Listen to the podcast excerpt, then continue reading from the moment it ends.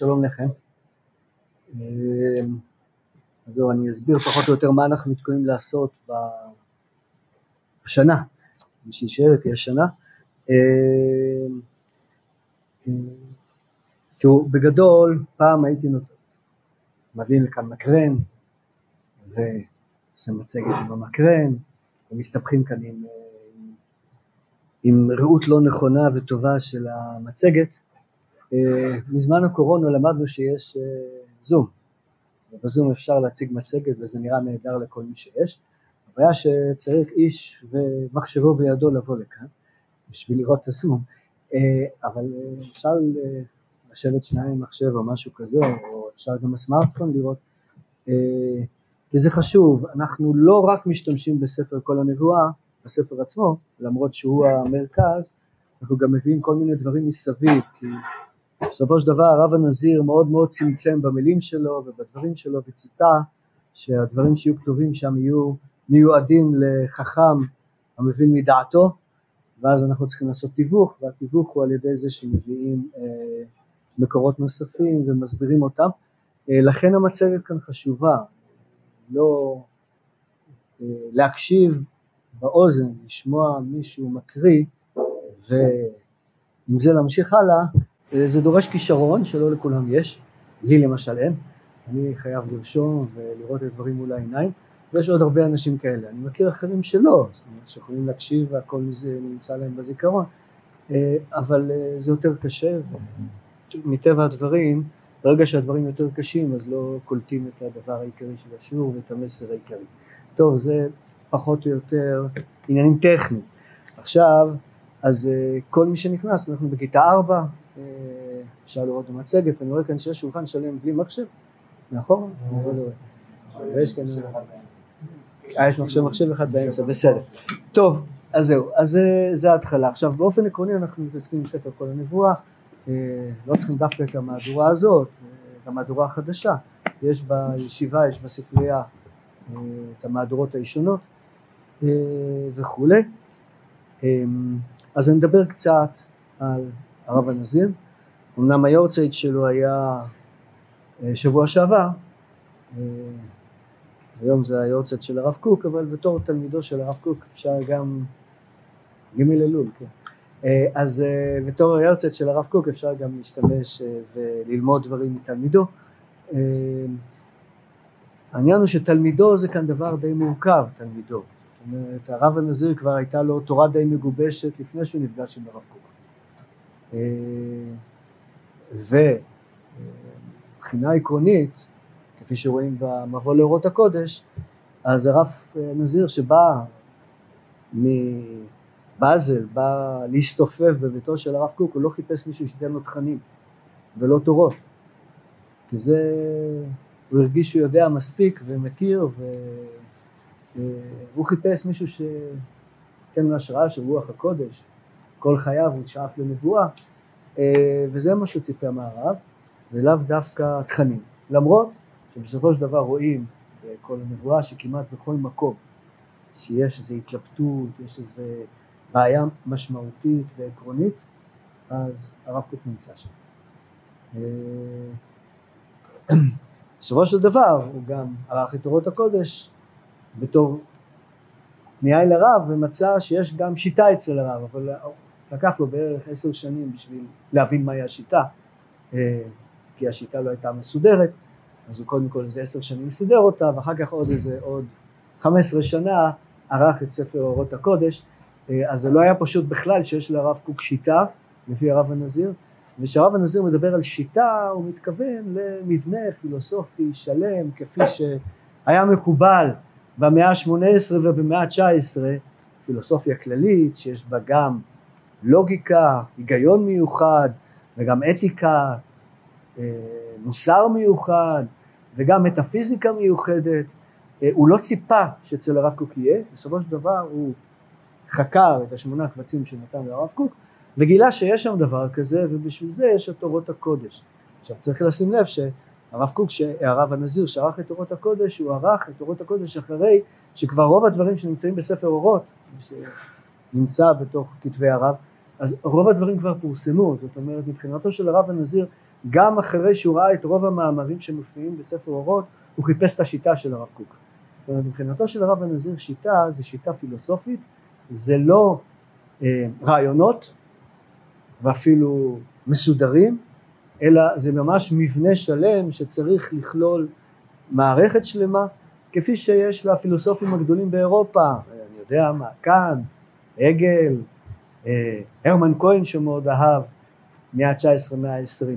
אה, כבר במאה ה-20 אף אחד לא בונה שיטות פילוסופיות כאלה נרחבות וגדולות, אה, גם בפילוסופיה כללית, אבל הרב הנזיר חיפש ברב קוק, אצל הרב קוק את הדבר הזה, ואז בשביל זה יש לנו את אורות הקודש, אז פעם השתמשו באורות הקודש כאינדקס לנושאים בכתבי הרב קוק, אבל האמת היא שהיום לא צריך אינדקס, היום יש מחשבים, ויש את השמונה קבצים שנמצא במחשב, כל אחד רוצה יכול למצוא שם מילה ולחפש לפי זה ויש לו אינדקס נהדר, אבל להבין את השיטה של הרב קוק כפי שהרב הנזיר עושה, בשביל זה צריכים ללמוד את תורות הקודש עם מין הסתכלות, לא כל פרק בצורה עצמאית, אלא לפני, לראות את המכלול, אבל זה לא מה שנלמד השנה. היה כאן בשנת תשע"ט, נתתי סדרה של שיעורים באורות הקודש על פי הרב הנזיר, על פי אה, השיעורים שהוא בעצמו נתן באורות הקודש, אה, מה שנקרא חוג הראייה, יצאו שלושה כרכים, עוד מעט אמור לצאת כרך רביעי, על כל חוכמת הקודש. בסופו של דבר השיעורים שהרב הנזיר נתן על אורות הקודש זה יכלול משהו כמו עשרה כרכים, איזה אנציקלופדיה שלמה, לא יודע מי יהיה לו כוח לקנות דבר כזה, מספיק את הש"ס, אבל, אבל בגדול אה, זה, עכשיו ברגע שהרב הנזיר עצמו נותן שיעורים על מה שהוא ערך, אז יש לזה ערך גדול, אה, הרבה יותר מאשר אה, שיעורים אפילו שיהיו כריזמטיים ומאוד מאוד פופולריים ברב קוק, בסופו של דבר מי שערך את אורות הקודש ומסביר למה הוא ערך אותם, בנה לעצמו וכתב בכלל, הרב הנזיר היה, אה, התחנך, או נראה התחנך, בעולם של מערב אירופה, בגרמניה ואחר כך בשוויץ, ושוויץ, שוויצרים הם סופר יקים, אז אה, כל דבר שהוא כתב, לפני כל שיעור שהוא נתן, הוא כתב את כל השיעור בכתב, וגם אחרי השיעורים שהוא נתן הוא עשה שם הערות, אה, ואז פחות או יותר יש לנו, לפנינו, את, את השיעורים שהוא נתן בכתיבה שלו. יש גם חלק מהשיעורים שהוא נתן באורות הקודש אה, מוקלטים, זה שניים, שלושה שיעורים שהוא נתן, אה, ויש גם סיכומים של תלמידים, וזה מעניין להשוות, אבל זה אה, חוג הראיה. נתחיל היום ספר כל הנבואה, ספר כל, הנבואה זה ספר שהרב הנזיר מציג את שיטתו שלו. זאת אומרת, והאמת היא שהרב הנזיר לא עשה את זה בחייו כמעט בכלל. זאת אומרת שהוא לימד, הרב הנזיר לימד, לימד במרכז הרב, 50 שנה, אז הוא לימד מידות שהתורה נדרשת, מדרשים, לימד רס"ג, אה, לימד כוזרי, אה, לימד קלח פתחי חוכמה, למי שרצה ללמוד קצת קבלה, אה, אבל את שיטתו שלו הוא לא לימד. הוא אמר אותה ככה ברמזים. ולכן דווקא התלמידים הקרובים לרב הנזיר, הם לא מכירים, לא הכירו כל כך את שיטתו. כי פשוט אה, הוא לא לימד אותה. אה, הוא רמז. רמזות, רמיזות זה לא, זה לא דבר שבדרך כלל תלמידים מצליחים ללמוד מהם. אה, וכל הנבואה זה הספר שהוא ייעד לשיטתו שלו. טוב, אז בואו נתחיל. אז קודם כל, הרב הנזיר עצמו מוכר על ידי תלמידיו כאיזה דמות מופת כזה. מדהימה, אז אני מביא כאן דברים של הרב אה, נריה. בילדותי, כשלמדתי מסכת נדרים, התרשמתי מאוד מתיאור הגמרא על הנזיר שבא מן הדרום, והוא יפה עיניים וטוב רוי וקבוצותיו סדורות לו טלטלים, נזיר אלוקים שהקדיש את יופי שערותיו לשמיים. כשזכיתי לעלות בקיץ תרצ"ד ארצה לירושלים, לישיבתו של מרן הרב, נתגלה לי בירכתי בית המדרש חזון מופלא. לפניי עמד ניצב חי, הנזיר שבא מן הדרום, גבוה, גבוה, גבוה קומה, רחב כתפה, כתפיים, פנים מהירות, עיני תכלת אורות וזקות, קבוצותיו זהב סדורות לו, טלטלים, והוא כולו מוקדש לשמיים. זה דוגמה, אבל אפשר לראות בספר באישקי יפלי דוג... ציטוטים מכמעט כל התלמידים שלו על ההתפעלות מהאישיות.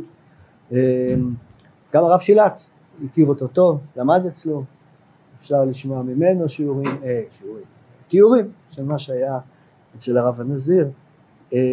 העניין הוא כזה שהרבה פעמים כשמתפעלים מאישיות גדולה אז ההתפעלות היא מכסה על הכל ובסופו של דבר לרדת לפרטים והפרטי הפרטים של השיטה זה קשה לאותם אנשים שהתפעלו מהאישיות הגדולה.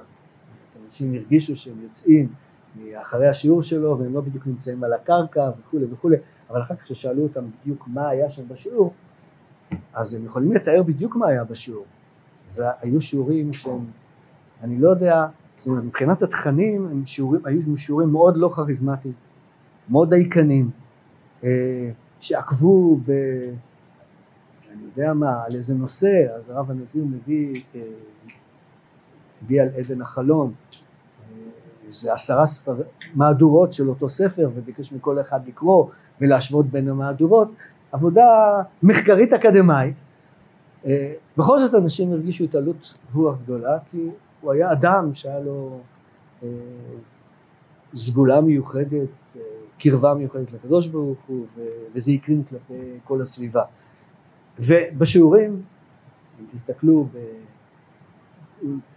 בשיעורים בחוג הראייה, אז באמת תראו שזה משהו אנציקלופדיסטי כזה בכל נושא, ולא כל כך מבינים מה הרב הנזיר רוצה לעשות שם, גם שם צריכים הרבה תיווך והרבה עמל בשביל להבין את הנקודה שם. אה, בסדר, אז בואו נראה. אז אה, זה דבר אחד. דבר שני, הרב הנזיר, אה, זה לא סוד שהוא שאף הוא ראה בשינוי הגדול של עם ישראל שבא לארץ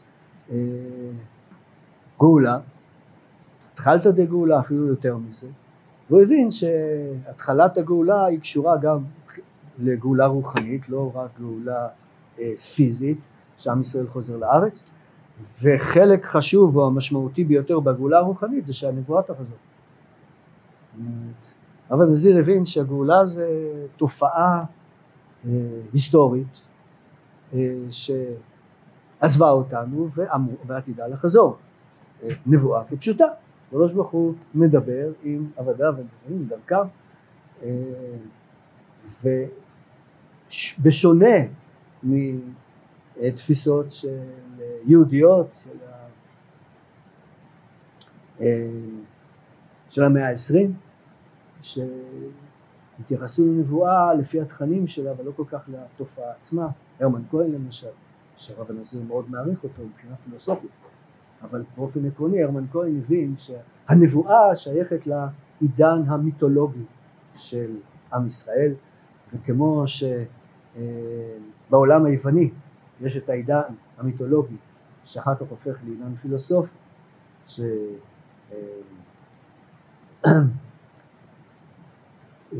שאפלטון לוקח את המשחק המיתולוגי של הנערים מתבגרים, קרי אלים, ביניהם והופך אותם לאידאות, והופך, לוקח, ממיר את המיתולוגיה היוונית לפילוסופיה מאוד עמוקה ומה, ושבנתה את כל, ה, אה, את כל התרבות המערבית, אז ככה הרמן כהן תפס, אותו תפיסה היהודית שלו, אה, שהנבואה ומה שכתוב במקרא זה הסיפורים המיתולוגיים היהודיים, ומשם אפשר לדלות אה, הרבה דברים, הרבה תובנות שכליות עמוקות אה, בקשר ליהדות, אבל לא שהנבואה היא תופעה היסטורית שתחזור ותופיע עוד פעם ויהיו אנשים שידברו בשם אה, השם פה בארץ, בעולם שלנו, הרב הנשיא ממש לא הבין את זה כך, הוא הבין שנבואה תחזור ממש, ו... כל חייו הוא התאמץ לזה, אמ, וגם הגיע לכל מיני השגות, אבל לפי הבנתו זה לא הייתה נבואה. אני אתן לכם דוגמאות, כמה דוגמאות מה, מהיומנים שלו. הדיבור בפנימיות אוזן מוחי בנשמתי, אצל כותל דביר קודשנו. זה אחד משישים בנבואה, זה לא נבואה. שהנני נוהג על פיו ושר אליו בכל עניין גדול. הנני עומד אל פני הכותל הדביר ושואל שאלה קצרה ושומע בקרבי כל התשובה. והיא אצלי נבואה קטנה, הבאה אחרי הכנה וכוונה גדולה. במקומות אחרים כותב שעושה ייחודים וכולי, קשור בעולם של קבלה אה, אה, וכולי. ואז תראו דוגמאות, זה דווקא מה שמשנת הנזיר הזה מודפס, כולם יכולים לראות את זה ביומני הרב הנזיר מודפסים. הבאתי כאן דבר מהיומנים שאינם מודפסים, לא כל היומנים, תעשו אותם. זה עכשיו שבתי מהכותל הקדוש מקום דביר קודשנו, שריד תפארתנו בעבר ועדות לגאולתנו בעתיד. אחרי תפילת מנחה ובחיות לאין קץ, שלא תצול כותל הדביר. העצום? אני צריך לצום? לא. האצא? והתשובה לא. אצא עוד מעט נראה את זה. האלמוד ספרי קבלה והתשובה הן הן מצורך תמצא מבוקשך. תלמד ספרי קבלה, זה מה שאתה צריך לעשות. זאת אומרת הוא הולך לשאול הדרכה בכותל, שואל שאלות מקבל תשובות. אבל זה עדיין לא נבואה, זה אחד משישים בנבואה. הרב הנזיר הבין שנבואה זה שליחות, זה לא רק קבלת תשובות. אה, זה נשמע כמו הורים ותומים, יכול להיות, אבל אה, זהו, הורים ותומים יש להם דרגה גבוהה, אבל זה לא הורים ותומים, כי הוא לא ראה שום דבר, הוא שמע. אמ, עוד, עוד דוגמאות. אמ, כן, אז בואו תראו כאן. אמ, טוב, נו, אז זה, זה לא הדוגמאות האלה. עכשיו, העניין הוא שהרב הנזיר עצמו התלבט, הוא בא לכאן, בא בערב יום כיפור, אה, תרפ"ב, בא לארץ, הגיע לארץ, ליפו, נחת, והוא לא יודע בדיוק איפה לישון, ישן בבית הכנסת, חשדו בו, אה, סיפור שלם. בסופו של דבר במוצאי יום כיפור הוא עלה לבית הרב בירושלים ו- וכולי, 1921. כן? ומשם עד 1927, תרפ"ז, רב הנזיר התלבט איך מגיעים לנבואה. האם צריכים ללמוד, להמיר, לעשות כוונות, אה, כל מיני דרכים, או ללכת למדבר, להתבודד. ויש לו ביומן כל מיני הכנות לקראת ההתבודדות במדבר, במערה. אה, מצא לעצמו עוד יהודי שהצטרף אליו, בסוף היהודי הזה פרש, ואז הוא לא הלך לשם וכן הלך לשם. יש לזה סיפור שלם שהם ירדו לוואדי קלט וטעו שם ולא היה להם מים והם הרגישו שכבר הוא והם אה, עוד שלושה אנשים יחד איתו חשבו שכבר אה, זהו נגמר העסק עד שבסופו של דבר מישהו הדריך אותם ואיכשהו הם יצאו משם. אה, אז הוא חיפש לקבל נבואה בכל מיני דרכים אחרות. אבל תראו בתרפ"ז 27 אז הוא כותב ככה רב הנזיר, הנבואה לא תתגלה בדרכי הבקשה של חיפושים ומאמצים, של בחיות, שפיכות נפש ורוח בתפילות ותהילות ומשמרות בלילה, הכל הוא עשה, בהתבודדויות יומם במערה ובערי השדה. לא, הנבואה לא תגלה בצרה הזאת, כי אם בדרך החוכמה והמדע, שזוהי הצורה הראויה לדור, להשמיע בדבר אמת לאמיתו ובירור וברכה מתון נתון להשמיע לאוזן פקח כוח לקרוא לאסירים דרור עסוק במדע ספרך כל הנבואה. זאת אומרת נבואה היא תתגלה בצורה שכלית. דרך החוכמה והמדע. המאמץ צריך להיות בכיוון אחר לגמרי לא בכיוון של להתבדד בערים לא בכיוון של אה, כל מיני ייחודים ולא בכיוון של בחיות ותפילות.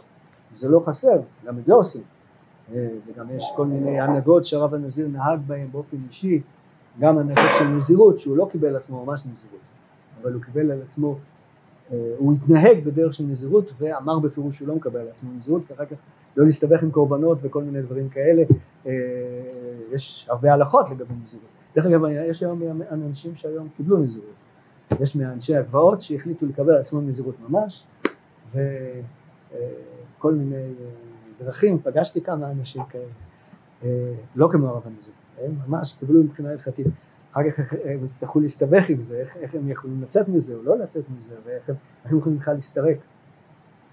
לא יודע שאתה לא יש שערה אחת, יש לנו כבר לדבר על איסור. אה, אין החינם, לא מסתרקים. אז בסדר, אז, אה, אבל, אבל הרב הנזיר לא עשה בדרך כזאת, אלא הוא התנהג בדרך נזירות ואמר בפירוש שלא מקבל על עצמו הלכות נזירות. אה, בשביל לא להיכנס לתוך אה, ספקות הלכתיים וכו' וכו'. טוב, כן.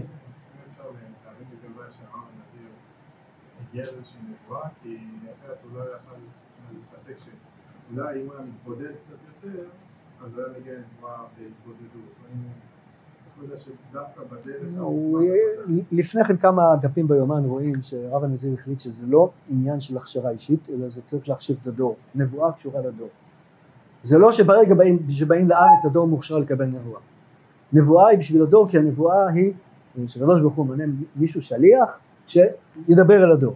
עכשיו בשביל הדור הרב הנזיר הבין שיש חסם שהדור לא מוכן לקבל נביאים מסיבות שכליות ואז צריך להוריד את החסם הזה. איך מורידים את החסם הזה? כל ספר כל נבואה וכל מי שקורא בזה מבין ואז הוא כבר מבין איך אפשר לקבל נבואה בימינו אה, אבל אה, בגדול זה, זה סיפור אחר מה, מה, מה ספר כל נבואה בדיוק מועיל לעניין אבל בגדול הוא הבין שיש חסם ואת החסם הזה צריך איכשהו להסיר ובשביל זה הוא הולך וכותב את ספר כל הנבואה אז עכשיו כן.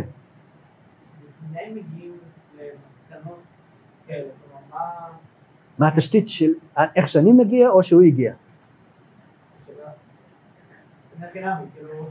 איך אני הגעתי לזה שהוא הגיע או איך שהוא הגיע לזה כן הרב ל- ל- למסקנות הללו. כאילו, מאיפה... אז טוב, אז, אז קודם כל, יש לו, אתה רואה, קשר, מה לעשות. אה, יש לו קשר של אה, מין נבואות קטנות שהוא מקבל, מה לעשות. דרך אגב, עסוק במדע ספרך כל הנבואה, כאן יש כאן איזה ציווי, אני חושב שזה חלק מאחד מהתשובות שהוא קיבל בכל מיני, שכאן הוא קיבל את זה דווקא לא בכותל, אה, זה מדובר כשהוא אה, שהוא נמצא ב- בטבריה ליד אה, קבר רבי מאיר ברננס, אה, גם הוא מתאר כל מיני חוויות, איך הוא, מה הוא מרגיש ליד קבר זכריה ומה הוא מרגיש בקבר שמעון הצדיק וכולי וכולי. יש לו כל מיני תחושות אישיות שלא קשורות לספר הזה, אלא זה אפשר לראות באימונים, ואנחנו במשך השנה לא נדבר על הדברים האלה. עכשיו, מה שמיוחד אצל הרב הנזיר, שהרב הנזיר נמצא, יש לו, הוא נמצא לגמרי בתוך העולם של הקבלה, נמצא לגמרי עד הסוף בתוך העולם הפילוסופי של המאה העשרים, מה- עד הסוף, עד כדי כך שברגמן מתכתב איתו. אוגו ברגמן, מי שאחד מה... מי שיסד את, הפקולטה לפילוסופיה באוניברסיטה העברית, היה ספרן גם של האוניברסיטה העברית וכולי וכולי וכולי, מהמייסדים, מתכתב איתו, ומדברים, שניהם היו ניאו-קנטיאנים, יש ככה אפילו את ה... אז, אז גם הוא שם, גם בתוך עולם של, אה, של למדנות, זאת אומרת, הוא, רוב היום הוא עסק אה, לא בספרות אה, של מחשבת ישראל בפילוסופיה, אלא בלימוד גמרא. אה, במרכז הרב הוא בחר לעצמו לתת שיעורים שדווקא לא מושכים הרבה תלמידים, ומידות שהתורה נדרשת ובמדרשי ההלכה, למרות שהוא ידע לתת שיעורים נהדרים בעיון, וזה אנחנו יודעים ש... שהוא הגיע לבאזל חסר כל, אחרי שמה שקרה, שהוא הגיע לגרמניה בתור סטודנט יהודי, אה, כי הוא כותב ביומנים שלו, למה הוא בכלל עושה את זה, אבל זה כבר סיפור אחר, אה, והוא מגיע לשם, לגרמניה, והוא הגיע לשם בתרע"ד, 1914, בחורף, מתקבל לאוניברסיטה, אלא מה? הוא היה נתין רוסיה, ובקיץ, תשעה באב, פרצה מלחמת העולם הראשונה. נתין רוסי שנמצא בגרמניה, מה עושים נתין רוסי שנמצא בגרמניה? טוב, הם לא היו כל כך פוליטיקלי קורקט, אז עצרו אותו. והוא נכנס למחנה מעצר וכולי, וכל מיני פרוטקציות הגיע לשוויץ. אז זה, זה, זה הרב הנזיר. עכשיו, כשהוא הגיע לשוויץ הוא הגיע חסר כל. אז בתור סטודנט יהודי, ככה, שכנראה שוויצרים הם מחפשים תורה עם דרך ארץ. לא כל אחד ייתן להם שיעורים, נכון? אבל צריך לדבר בגרמנית טובה. דרך אגב, הרב הנזיר למד לבד, גרמנית, לבד רוסית, הוא ידע יידיש, זאת אומרת, הוא ידע יידיש והיה כותב בעברית, כמו כל העולם של מזרח אירופה, עד שהוא החליט בערך בגיל 19 לרכוש השכלה כללית, ואז הוא למד לבד, למד רוסית, למד את הספרות הרוסית, למד גרמנית, למד גם יוונית ולטינית וכולי וכולי, וגם שהוא היה נותן לאחד התלמידים במרכז הרב ככה לקרוא משהו ביוונית של אריסטו, היה מגיש לו ולבקש ממנו לקרוא. מה, כבודו לא יודע לקרוא? עברית, בסדר, לא יודעים לקרוא עברית, מה לעשות. אה, אה, אז הוא, הוא אה, מבחינת ה... עכשיו, כשהוא הגיע לשוויץ, אז הם היו, למדו שם, ניסו ללמוד קודשים, והרב הנזיר נתן להם שיעורים שם בקודשים. שיעורים כל כך מרתקים, שתפסו אותו בתור המגיד השיעור הקבוע, וזה זה היה הדבר ש, שהחזיק אותו שם בשוויץ. אז הוא ידע לתת שיעורים בעיון, הוא ידע לתת שיעורים בעיון מספיק יפה וטוב שבעלי בתים מאוד מאוד שמחו בו, גם שזה קודשי, אבל במרכז הרב הוא בחר ללמד מידות שהתורה נדרשת במדרשי הלכה, כי הוא חשב שזה מה שחשוב, זה מה שחשוב היום ללמוד, ו... אז הוא ידע, אז בגדול הוא היה אדם שהיה נמצא גם בפילוסופיה וגם בתוך העולם הקבלי, כיוון יחד עם הרב קוק כוונות ותקיעת שופר וכל מיני דברים שקשורים עכשיו, אני יודע, וגם רואים, כתב הרבה על זה וגם יש לו הרבה כתבים שקשורים לעולם הקבלי וגם לכל הנבואה של חצי שני שקשור בזה ויש לו שיעורים על להחליט כחוכמה וגם ידיו היה בפילוסופיה, אז בקיצור הוא היה אדם מאוד אה, אה, רחב אופקים, אה, אז שהוא כותב עכשיו דרך החוכמה והמדע, אצלו המדע זה ידיעות, ידע, וזה פילוסופיה אצלו, כי מבחינתו באמת בתחילת המאה העשרים הפילוסופיה הייתה נחשבת למדע, אפילו מדע מדויק, מדע כמו מתמטיקה, אז הדבר הזה השתנה במשך המאה העשרים ויש סיבות ברורות וידועות למה, אבל אז היה די ברור שזה כך. אמ, והרב הנזיר הבין שצריך לעשות שינויים. הדוגמה לזה שיש יהודי מאוד מאוד ידוע, מוכר, אה, שפחות או יותר יחד עם הרב הנזיר למד במערב אירופה ועלה לארץ כמעט יחד איתו ועסק בקבלה כמו הרב הנזיר, אבל לא כמו הרב זהו, זה גרשון שולי. דרך אגב, הם נפגשו ביניהם, וכמו שני יקים מסכנים שלא מבינים אחד את השני וכולי, זה סיפור אחר, יש בה יומנים גם של, אה, של גרשון שולי וגם יומנים של הרב הנזיר לפגישות האלה ביניהם. עכשיו, בגדול, מה שמיוחד אצל גרשון שולי, שהוא מבין שהקבלה זה מיסטיקה יהודית. עכשיו, חקר המיסטיקה זה דבר מוכר והיה ידוע ומפורסם היו חוקרי מיסטיקה לכל, של כל מיני דתות ובדרך כלל חוקר מיסטיקה שהולך לחקור את, ה, את המיסטיקה שהוא מנסה לחקור הוא פשוט ניגש באותו עיר או באותו מקום, באותו ארץ שמתעסקים באותה מיסטיקה ובא ומדבר עם המיסטיקנים ומשום מה גרשון שולם החליט שלא לדבר עם המקובלים בדורו וזה משונה לגמרי פרופסור אידל שואל על זה של קבלה היבטים חדשים וכולי. מה, למה? מה, חסרים מקובלים בירושלים? אלא מה? גרשון שולין הבין שבשביל שתהיה קבלה אמיתית, פוריה, חיה, היא צריכה להתאים לדור. אם מישהו לומד ספרות קבלה עתיקה, אז זה לא יצירה קבלית.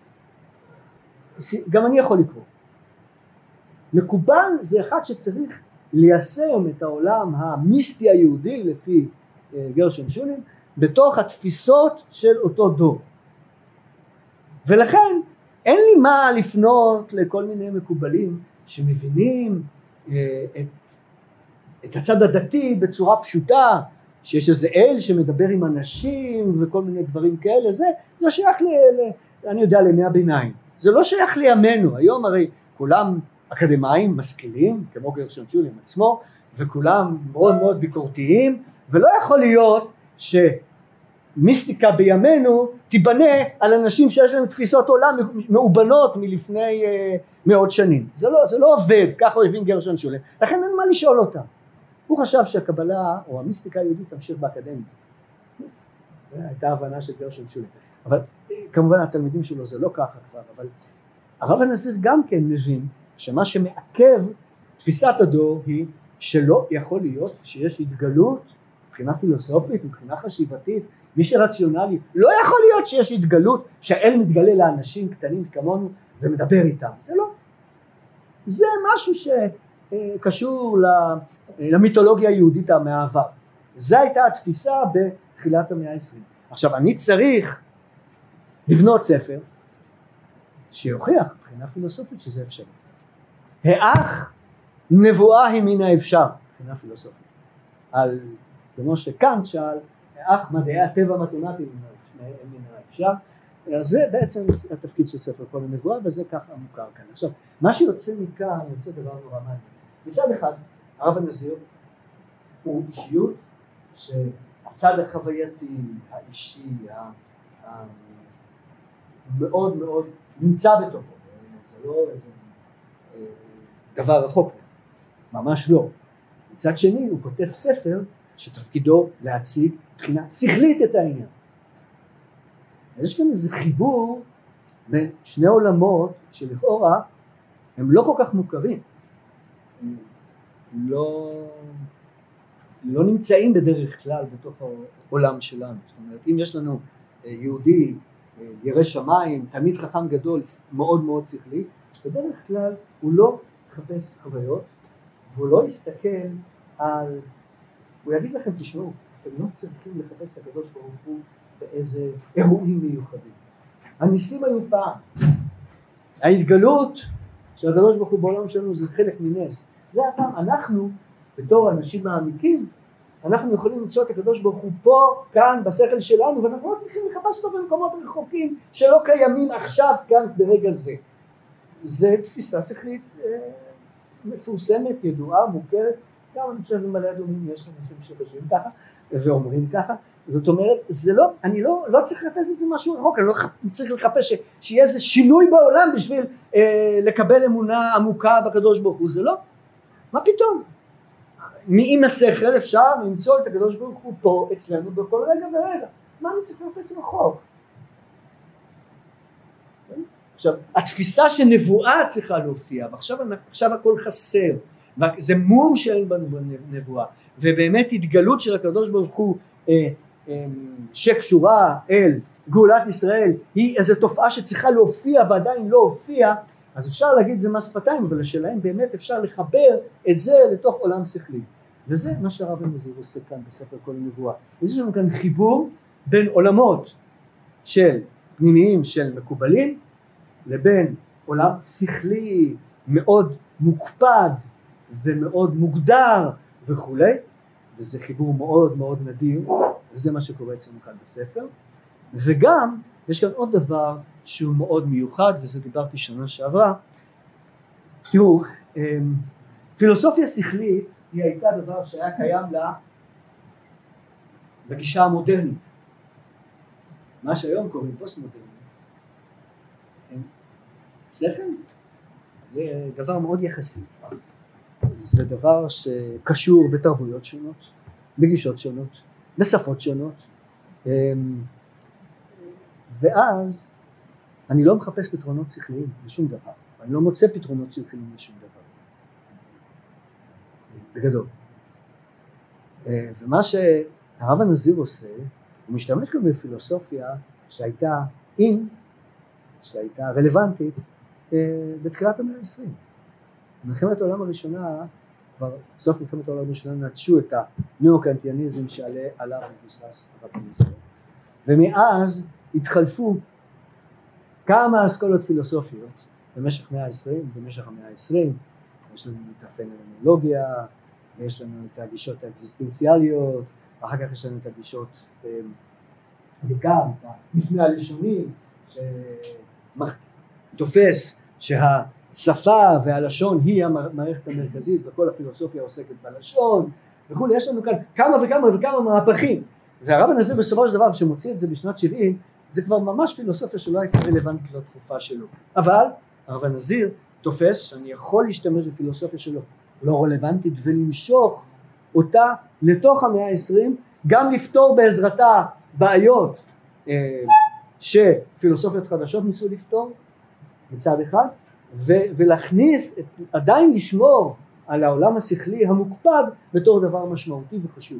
זאת אומרת הרב הנזיר לא רק מאחד כאן בתפיסות דתיות שונות וגישות שונות אלא בעצם הוא מושך עולם שכלי שהיה נכון למאה ה-18-19 מכניס אותו לתוך המאה ה-20 וגם פותר בעיות של המאה ה-20 בעזרת זה זאת אומרת הוא לא שלא מתחשב הרי אתה לא יכול לקחת היום ולחזור באופן מלאכותי לפילוסופיות קודמות אם אתה פילוסוף רציני כי בסופו של דבר ההבנה שאנחנו נמצאים בתוך הכלא של הלשון שלנו זה הבנה נכונה.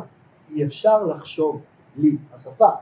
ואם כך אם השפות הן שפות מתחלפות ושונות בין כל תרבויות אז, אז גם החשיבה היא שונה. ואם החשיבה היא שונה אז ודאי שהשכל משועבד אליה אז, אז, אז קאנט לא הבין את זה בצורה הזאת בסדר אבל קאנט היה במאה ה-18 הוא לא אצלנו לא במאה ה-20 אי אפשר לחזור להיות קאנטיאני עכשיו בצורה הפשוטה הזאת. אותו דבר הם ההבנות ההיסטוריציסטיות של, של, של גרמניה וכולי וכולי לא יכולות לתפוס אחרי התפיסות האקזיסטנציאליות כי יש בזה אמת. אז איך אתה חוזר אחורה? טוב אני מכניס אתכם פה לכל מיני פילוסופיות לא יודע כמה כל אחד מכיר ומתמצא בזה אז יש אמת בפילוסופיות חדשות. אז אם יש אמת בפילוסופיות איך אתה יכול למשוך דברים מהעבר?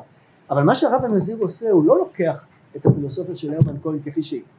הוא מאבד אותה, מכין אותה, מגדיר אותה בצורה אחרת קצת וגם פילוסופיה גנטיאנית מגדיר בצורה אחרת, בצורות שפותרות בעיות שקשורות למאה העשרים וזה דבר נורא מעניין אבל בשביל זה צריך להכיר גם את הפילוסופיות האלה בשביל לראות מה הרב הנזיר עושה איתה. אז מבחינתנו גם מבחינה יהודית יש כאן דבר מאוד מעניין ששימוש בשכל שתופס את המערכת החווייתית במרכאות שקשורה בפנימיות התורה ונותן לנו, לנו איזה נקודות אחיזה בהן. לא, זאת אומרת, תראו בשביל ללמוד פנימיות התורה אנחנו צריכים ללכת לישיבת מקובלים ספרדים כמו שהייתה ישיבת בית אל כמו שישיבת בית אל או ישיבות מקובלים נוספות ולשנן כל יום, כל יום הארי ולפתור שם רעיון וגם לכוון כוונות גדולות ולהתחבר בכל, להקדיש את החיים שלנו לעסק הזה, לעסק של קבלה מכיוון שמקובלים הם לא רק לומדים תיאוריה אלא כל דבר שם צריך להתיישם בכוונות של המצוות אז בסופו של דבר הם מגיעים להשגות תוך כדי החיבור בין הפעילות הנפשית של, של הכוונה לבין הפעילות התיאורטית שקשורה בלימוד של, של המקרים הקבליים של השלמים.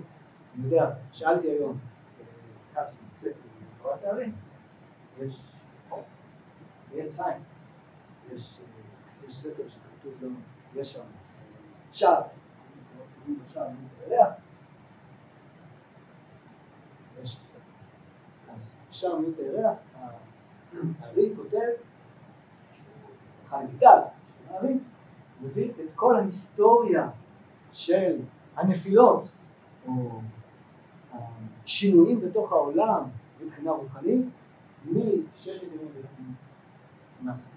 ימי המעשה בראשית, כולל מלחמת הלבנה, חטא הדם הראשון מה קרה, ואחר כך העלייה על ידי האבות, ואחר כך מה קרה בבניין בית ראשון, ומה קרה בחורבן הבית, ומה אחר כך קרה בבניין בית שני, ואיך הדברים משתנים מבחינה רוחנית, כל דבר ודבר, ואז את הנפילה הגדולה של קורבן בית שני. הוא כותב שם, מסביר בדיוק מה קורה מבחינה, מבחינה רוחנית. ואז שאלתי אותו, נו, ומה עכשיו, איפה אתה מציג את זה בתוך המסגרת שאני אפילו מאוד מראים מאוד מגדיר כאן, מה היום? אנחנו אחרי קורבן בית שני, נמצא שליטה במדינת ישראל. אז הוא אומר, אה, כן, הבנתי, זאת אומרת, אתה שואל האם אני מותר, האם כדאי להמשיך להניח תפילין במשך היום בגלל שיש הסתלקות מוחין מיד אחרי, לפי הארי, אחרי, אחרי תפילת שחרית. אני שואל שאלה תיאורטית, ואז אני מיד מסיק את זה ומניח את זה לגבי הנושא של התפילין, מה אתה צריך עכשיו להניח עם התפילין? זאת אומרת, ישיבות מקובלים, אין דבר כזה שמופיע בצורה תיאורטית שאין לו השלכה למעשה בכוונות ובמצוות וכו'. בסדר? אז אפשר לעשות ככה, אפשר ללמוד קבלה בצורה הזאת ולהגיע לכל מיני השגות. ואז אתה צריך להקדיש את כל החיים שלך, וזה פעם ראיתם סודות של מקובלים? שמענו שזה... שמעתם שזה גדול, אבל לא ראיתם, אני לכם. יש לכם דף, שהדף הזה זה פסוק אחד, או אני יודע, למען שמו באהבה, זה דף שלם של איך, איך, איך קורה עם כל כל, כל אחת מהספירות והאותיות וכולי וכולי, ומה מה קורה בכל, אה, בכל, בכל מילה מתוך אותה משפט, ארבע מילים, אז זה דף שלם, ואז כשמתפללים תפילת שחרית כזאת, אתה צריך, אה, א', אתה צריך להיות מאוד זריז, לחשוב על כל הדברים האלה במשך התפילה, גם שהתפילה נמשכת אה, כל, כל היום עד הצהריים, גם ככה אתה צריך להיות מאוד זריז בשביל לקרוא את הכל. זה, זה תפילה שמקובלית, זאת אומרת כל היום צריכים להיות בתוך המערכת הזאת, כן, אם אתה רוצה להיות מקובל רציני. אז בצורה הזאת אפשר להגיע להשגות. אבל מה שרב הנזיר עושה, הוא נותן לך דברים פנימיים, אבל נותן לך פילוסופיה שכלית שאיתה אתה יכול לחוז במשהו מתוך העסק הזה, זה מין חלון כזה לתוך העולם הקבלי שמתעסק עם הפן השכלי, ופן שכלי כל אחד יכול להגיע. לא, אתה לא צריך להשקיע את כל החיים שלך בטהרה ובכוונות וכולי וכולי בשביל לקלוט. אז, אז אתה צריך להשקיע כאן מאמץ בשביל להבין מה הוא רוצה, אבל בכל אופן זה אפשר, הוא מגיע למשהו מתוך העולם החיצוני השכלי ותופס משהו מתוך העולם החווייתי הפנימי וזה דבר מעניין מבחינת ספר כל הנבואה. דבר שני, אמ, בסופו של דבר אנחנו, אה, שחלק מאיתנו ילך לכל מיני מוסדות אקדמיים ובכל אוניברסיטה אנחנו, אה, חלק מהתואר אתה צריך גם מדעי הרוח וכל מדעי הרוח אתה חייב איכשהו נכנסים לתוך עולמות הפילוסופיים של המאה העשרים ואז יש לנו כאן איזה מין הסתכלות, איזה חלון לתוך הפילוסופיה של המאה העשרים בתוך קודש. אז זה דבר שחשוב בשבילנו גם כן, אה, שאנחנו לא רק נקנה באוניברסיטה, אה, לא נקנה באוניברסיטה, נקנה רק את הידע ולא רק את האידיאולוגיה, ולא רק, או לא כלול או צמוד לתוך האידיאולוגיה של הסינקות למשל, ובסופו של דבר הרב הנזיר יש לו אידיאולוגיה אחרת שדרכה הוא מתעסק עם התחומי ידע הזה. זה לא פעם ראשונה שמתעכב כל המושגים וכל המערכת הפילוסופית של המאה העשרים אה, באוניברסיטה, אלא אה, פעם ראשונה להתעכב בזה עם הרב הנזיר, אז יש לנו איזה אפשרות להסתכל על זה גם מכיוונים אחרים, אז זה גם כן רווח שאנחנו יכולים להרוויח כאן, אה, אז זה שני כיוונים שונים, וזה פחות או יותר מה שאני רוצה לעשות במשך השנה, אז בואו ניכנס לתוך הזה, לתוך, ה, לתוך ספר כל נבואה. עכשיו, שנה שעברה עסקנו במאמר ראשון. מאמר ראשון הוא מאמר מאוד מיוחד, שאותו הרב הנזיר כבר התחיל לכתוב אה, ב-1918, הכין אותו בתור הכנה לעבודת דוקטור שלו אבל המאמר הראשון הזה עצמו, אותו, אמ, טוב, תורה גדולה זו, אני קורא כאן בהקדמה, אה, ספר כל הנבואה, של שמיות ההגיון העברי לכל תוצאותיה, לפילוסופיה היהודית ולמרכז שאלותיה של המדברים. מדברים, אתם יודעים מי זה? מה? כלם, כן, פילוסופים הערבים שעוד לא התעסקו עם אריסטו. בסדר? שהרמב"ם מבקר אותם וכולי וכולי. רס"ג הולך בכיוון שלהם, בדרכים שלהם, בעיקר של המועטזילה, של המדברים. ובעלי תורת הצורה, תורת הצורה מי זה? מי התעסק עם צורות? אריסטו. הבריאה והקדמות, טוב, הנבואה וחיזיון, הותחלה להסתדר על ידי במאמר גדול בשם תבנית הפילוסופיה הדתית היהודית וצורתה. אז המאמר הראשון של כל הנבואה זה תבנית הפילוסופיה הדתית היהודית. אז זה התחיל להסתדר אז, וזה ב-1918, הרבה הרבה הרבה לפני שהספר הזה יצא, הספר יצא ב-1970, כן? 53 שנה לפני כן. אחר כך נוכחתי שצריך לתת רווח בין פרשה לפרשה, לסדר עניין עניין לבדו, ואז ניגשתי לעבודה גדולה, הגאון השני התורני הנתון בדור שהתורה הנדרשת וכולי וכולי וכולי. בקיצור, ספר כל הנבואה, הבסיס שלו זה משהו ב-1918, ופחות או יותר הדברים האלה מופיעים אצלנו במאמר ראשון. מהמאמר הראשון והלאה זה הרחבה של בעצם של המאמר הזה, אה, ואנחנו היום מתחילים להתעסק עם המאמר השני. המאמר השני תופס חלק רמזים, דברים שנמצאים במאמר הראשון, שאותו עסקנו איתו כל שנה שעברה, ומתחיל לפתח אותו ואנחנו נדבר עליו.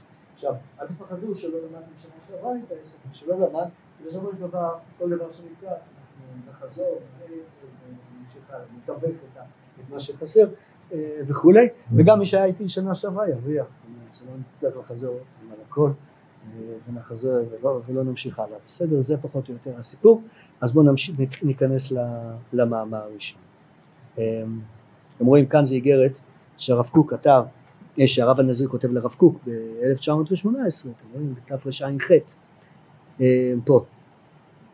אז הוא כותב לו זה ימים עסוק אני בסידור דברים על אודות תבנית הפילוסופיה הדתית העברית וצורתה, מה שכתוב כאן בהקדמה. כן? או מוצא הלוגוס מרוח הניגון, טוב גם זה מופיע, טיוטות כאלה מופיעים בספרייה של, ה, של הטיוטות של הרב הנזיר. אה, כן, העבודה תשמש אולי בתור דיסטרטציה, דיסטרטציה זה עבודת דוקטור וכולי וכולי. בסופו של דבר רב הנזיר טורח בשוויץ לכתוב את העבודה הזאת ונמאס לו, עוזב את הכל ומגיע בתרפ"ב פה לארץ, זה הסיפור, הוא לא סיים את הדוקטורט שלו. אמ, אז זהו, אז בואו בוא ניכנס קצת בשביל, יש לנו רבע שעה, אז ניכנס קצת לתוך המאמר. טוב, אז אה, הרב הנזיר השתדל כל מאמר שהוא כותב להתחיל לבנות את המוטו של המאמר ובסוף. כיוון שכך הוא תפס שהפילוסופיה הדתית היהודית היא תמיד, אחד מהחלק של התבנית שלה היא לשלם פסוקים. טוב, זה למדנו בשנה שעברה, שהבנה של הרב הנזיר שיש את החוכמה העברית, זה דבר אחד, אבל יש את הפילוסופיה הדתית העברית, או היהודית, הפילוסופיה הדתית היהודית, היא תחום שאתם יודעים, שכל אחד קורא לזה בצורה אחרת בישיבות, יש כאלה שקוראים לזה השקופת, יש כאלה שקוראים לזה מחשבת ישראל, יש כאלה שקוראים לזה אמונה, הרב נזיר קרא לזה פילוסופיה דתית יהודית. אה, ומבחינתו, מה זה פילוסופיה דתית יהודית? פילוסופיה דתית יהודית זה מערכת מורכבת, שהצורה שלה היא לבנית. אז נראה צורה של פילוסופיה יהודית. אבל המחשבה עצמה היא עברית. יש להם איזה שילוב שלפעמים יוצר דיסוננס, צריך לפתור, זה מופיע אצלנו בנבואה. ויש לו, לדבר הזה, יש לו גם מערכת עוד יותר חיצונית, חוץ מהצורה והמחשבה עצמה, שזה התבנית. תבנית של הפילוסופיה הדתית היהודית היא תמיד עברית. יש לנו משהו באמצע, זה סנדוויץ'. מחשבה עברית היא נכנסת לתוך צורה יוונית, והצורה היוונית הזאת, הפריפריה שלה זה תבנית יהודית. ואחד המאפיינים של התבנית היהודית היא תמיד משולבים זאת אומרת, מבחינתו של הרב הנזיר, אם אתה הולך להסתכל על טקסט ולבדוק האם זה פילוסופיה דתית יהודית, או זה סתם פילוסופיה כללית שכתב פה יהודי. היו יהודים שכתבו פילוסופיות שממש לא פילוסופיות. למשל ספינוזה, דוגמה.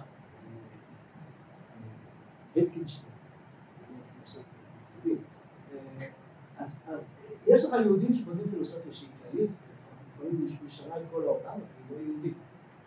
יהודים, כן. אז איך אתה מגדיר זה פילוסופיה הרב הנזיר מגדיר את זה. תבדוק את התבנית, תראה אם התבנית הזאת היא תבנית של פילוסופיה יהודית, אז לפי זה תדע אם זה פילוסופיה יהודית. נכון, אבל יש לו בעיות אחרות. בסדר, הוא לא מביא רק דוגמה אחת, יש לו בתבנית, יש לו רשימה שלמה של דברים, וזה למדנו בשנה שעברה, אבל אחד מהם זה פסוקים, כי עד כדי כך שאם גבירו לא כתב פסוקים, אז כולם חשבו שזה בכלל לא פילוסופיה יהודית, אז המצרים הבינו שזה היה איזה מוסלמי בשם אפיסברון שכתב את פונס ויטר לכן הם אימצו את זה לתוך העולם הנוצרים, היו יודעים שזה יהודי, לא הם נאצים, ושינו את כל התיאולוגיה שלהם בגלל שזה יהודי. אבל בגלל שהוא לא כתב פסוקים, אתם רואים, הוא לא, לא הלך לפי הרב הנזיר, הוא לא כתב שם פסוקים, אז, הם, אימצו את, את, את הספר שלו, ובסופו של דבר התברר שזה מקור חיים במאה ה-19.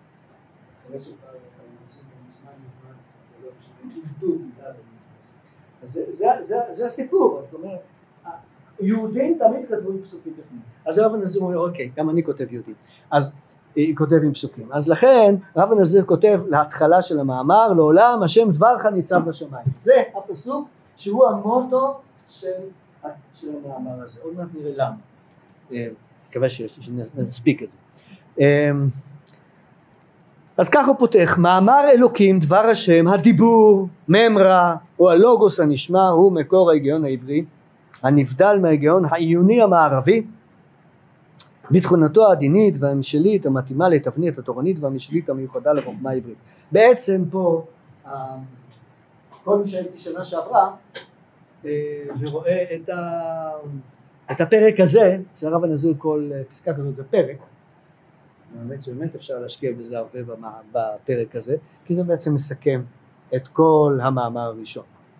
מה שכתוב כאן במשפט אחד, אפילו בלי נקודה באמצע, אה, כל מילה כאן היא חלק מה, מהמאמר הראשון, אבל לא נעשה את זה עכשיו, כלומר יש אנשים גופים, אה, לא נספיק לעשות את זה עכשיו, אבל בגדול הוא מתעסק כאן עם המושג שקוראים לו דבר השם או המאמר או הלוגוס, לוגוס זה ביטוי יווני ממש, זה בלוגיקה, מאמר דבר השם זה ממש משהו עברי, מאמר, עשרה מאמרות נקרא העולם. מהקצה יש לנו כאן זה חיבור בין לוגוס, זה היגיון, לוגיקה, לבין דבר השם. דבר השם שמיים נעשו, כן? כל המציאות כולה בנויה על אה, דבר השם, לעולם השם דברך נמצא ונמצא בשמיים, מקיים את כל המציאות, זה חיבור בין ההיגיון ואצלנו לבין הדיבור של הקדוש ברוך הוא אדם מגיע אליו וזה קשור למאמר הראשון, שהמאמר הראשון, כל עניינו של המאמר הראשון, באמת להסביר איך החוכמה העברית היא בנויה בצורה כזאת שהיא מתאימה לדבר השם אה, בניגוד לתפיסה היוונית שלא מחפשת דיבור שאפשר להקשיב לו אה, ולכן התבנית היא אחרת וכיוון שהתבנית היא אחרת אז אנשים משכילים לא הצליחו למצוא פילוסופיה בתוך העולם העברי, לא הצליחו למצוא מדע בתוך הספרות העברית, היא מסודרת בצורה אחרת. אבל הרב הנזיר אומר שהסידור הזה מתאים בדיוק להבנה שמה שעומד מאחורי העולם זה דבר השם. בסדר? עכשיו, אה, זה לא, אמרתי את זה בשני מילים, ודאי שצריך להרחיב את זה ו... אבל אני רוצה טיפה להתעסק יותר, להיכנס לתוך המאמר השני, אז אני לא ארחיב את זה עכשיו, אולי נרחיב את זה בשיעור הבא יותר קצת, לחבר ולהזכיר את מה שלמדנו במאמר הקודם, אבל אני רוצה להיכנס לפרק ב'. תורת ישראל ברורה ומיוחדה למחשבה העברית, הדבקה בתלמודה וקיום מצוותיה. כן, פריקת עול התורה והספק בעיקרה הגדול המצוי לכמה מצעירי בני הדור החדש באה מתוך הסתגלות להיגיון המערבי האלילי הזר הקורע נשמת חיי העם. לפיכך מי מבני ישראל השב לדעת כבוד חייו מבקש דעת אלוקים באמת זקוק לתשובה לרוח חדש רוח חוכמה ובינה ממקור נשמת ישראל לתשובה לתורה ולהיגיון תלמודה ההיגיון השמעי הנבואי כאן בפרק ב' הרב נזיר מציג את התפקיד של המאמר השני.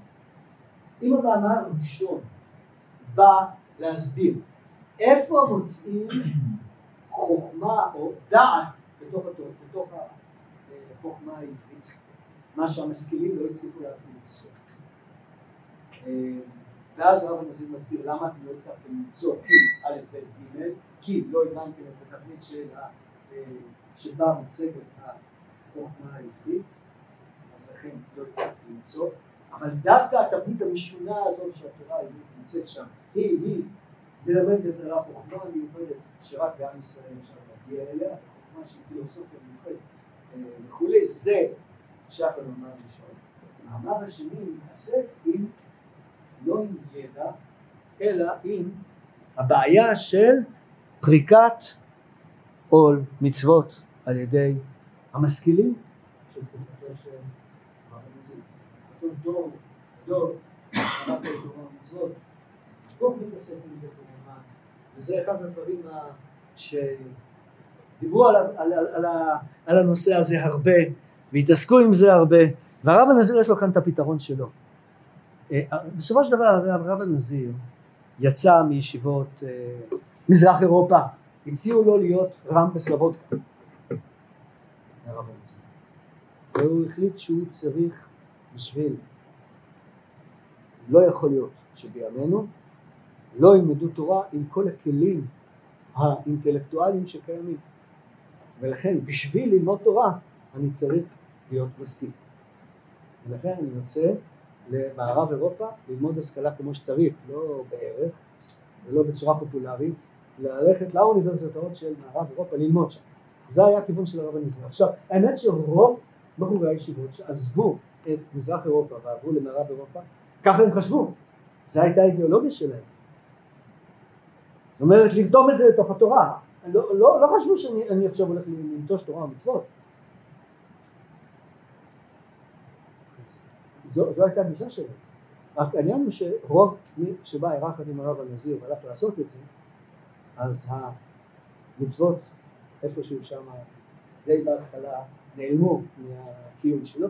אה, הרב הנזיר המשיך, כי הרב הנזיר היה לו, אני לא יודע, קי, הרב הנזיר קודם כל הייתה לו אישיות מאוד מאוד מיוחדת, אה, שליטה עצמית מדהימה, וב' הוא התייחס לזה בצורה רצינית מאוד, זאת אומרת, הוא למד בסלבודקה של ישיבת מוסר, למד אצל החפץ חיים, ישיבה של החפץ חיים, אה, בנוסף, הוא למד גם בוולוז'ין, נכון, ישיבות הליטאיות, אבל בגדול הוא היה כותב ספר של דין וחשבון רוחני כל ערב מה הוא עשה באותו יום. נקרא לזה יומן המנהל. כמה זמן הוא ביטל, ומה הוא עשה, ומה הוא למד, ואיך הוא התייחס גם ללימודי חול שהוא למד בצורה הזאת. זאת אומרת, הוא יצר צרה גדולה, צרה צורה לפרופסורים שלו, כן? אתם יודעים, בדרך כלל מרצה נותן את ההרצאה שלו, תלמידים איכשהו קולטים משהו, לא קולטים משהו יקר שהם ילמדו לבחינה ועוזבים את זה. רב הנזיר שינן את זה, למד את זה בבית, הבין אם אין שם סתירות פנימיות, ואחר כך בא לשאול. נודניק.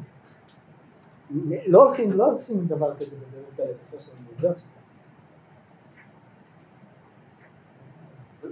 תסתדר קודם כל עם מה שאתה, עם הספרות הכללית.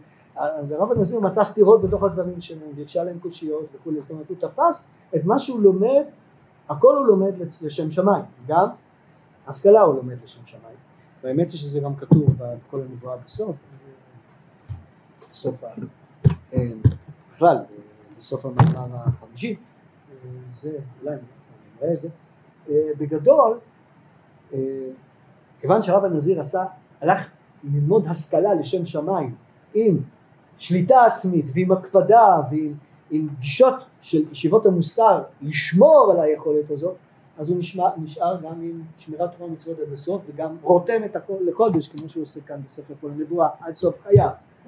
אבל רוב מי שהלך מתוך הישיבות של מזרח אירופה ומערב אירופה פשוט נטש ועזב את קיום תורה ומצוות. זה הבעיה הגדולה של הדור ההוא והרב הנזיר בא במאמר שלנו לפתור את הבעיה הזאת, להתגבר עליה. אז אם תסתכלו פרק, אז, אז המאמר הזה זה לא מאמר גדול, בסך הכל יש בו 14 פרקים, יד פרקים קטנים כאלה, שכל פרק זה כמו פסקה במקומות אחרים, אמ, ותסתכלו את פרק י"ד שזה האחרון, אז תראו התכונה התורנית בקבלת עול מלכות שמיים זה קריאת שמע, זה שיא של המצוות, של יראת שמיים, כן? היא תרעא לדרתא לעדן החוכמה העליונה. אם רוצים להשיג את החוכמה העליונה, צריכים לעשות את זה דרך השער של החצר לחוכמה העליונה, זה דווקא דרך קריאת שמע. אתה נוטש תורה ומצוות, אתה מפספס את הכל, אתה, אתה חושב שאתה מסכים, יופי. אתם יודעים, מי שחוקר, מי שחוקר המבות הוא לא חייב להיות המבה. דרך כלל זה ככה. אז מי שחוקר יודע מה, אה, כמו שרב הנזיר הלך לימודי המזרח, הכוונה היא ללמוד אה, אה, לימודים עבריים, אז הוא לא חייב להיות מקל מצוות. ככה הם תפסו מסכים, מה, אני חוקר, אני לא, לא חייב להיות כך.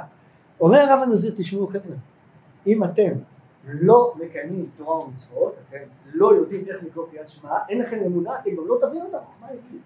יש כאן איזה קשר בין ההבנה לבין הקיום של המצוות, וזה כל המאמר שלנו בא לעשות. לתפור את זה. לתפור את זה מבחינה פילוסופית, מבחינת הבנה, מה הקשר בין קיום תורה ומצוות לבין ההבנה של החוכמה העליונה. בסדר, אז זה פחות או יותר רציתי להציג לכם הקדמה לתוך המאמר, בעזרת השם שבוע הבא אה, נלמד את זה בצורה יותר יסודית, לאט לאט נלמד כמה שבועות, אני לא, לא חושב, אני חושב שבעזרת השם באלול נגמור את המאמר הזה ואחר כך בחורף נעבור למאמר השלישי, שהוא נושא אחר.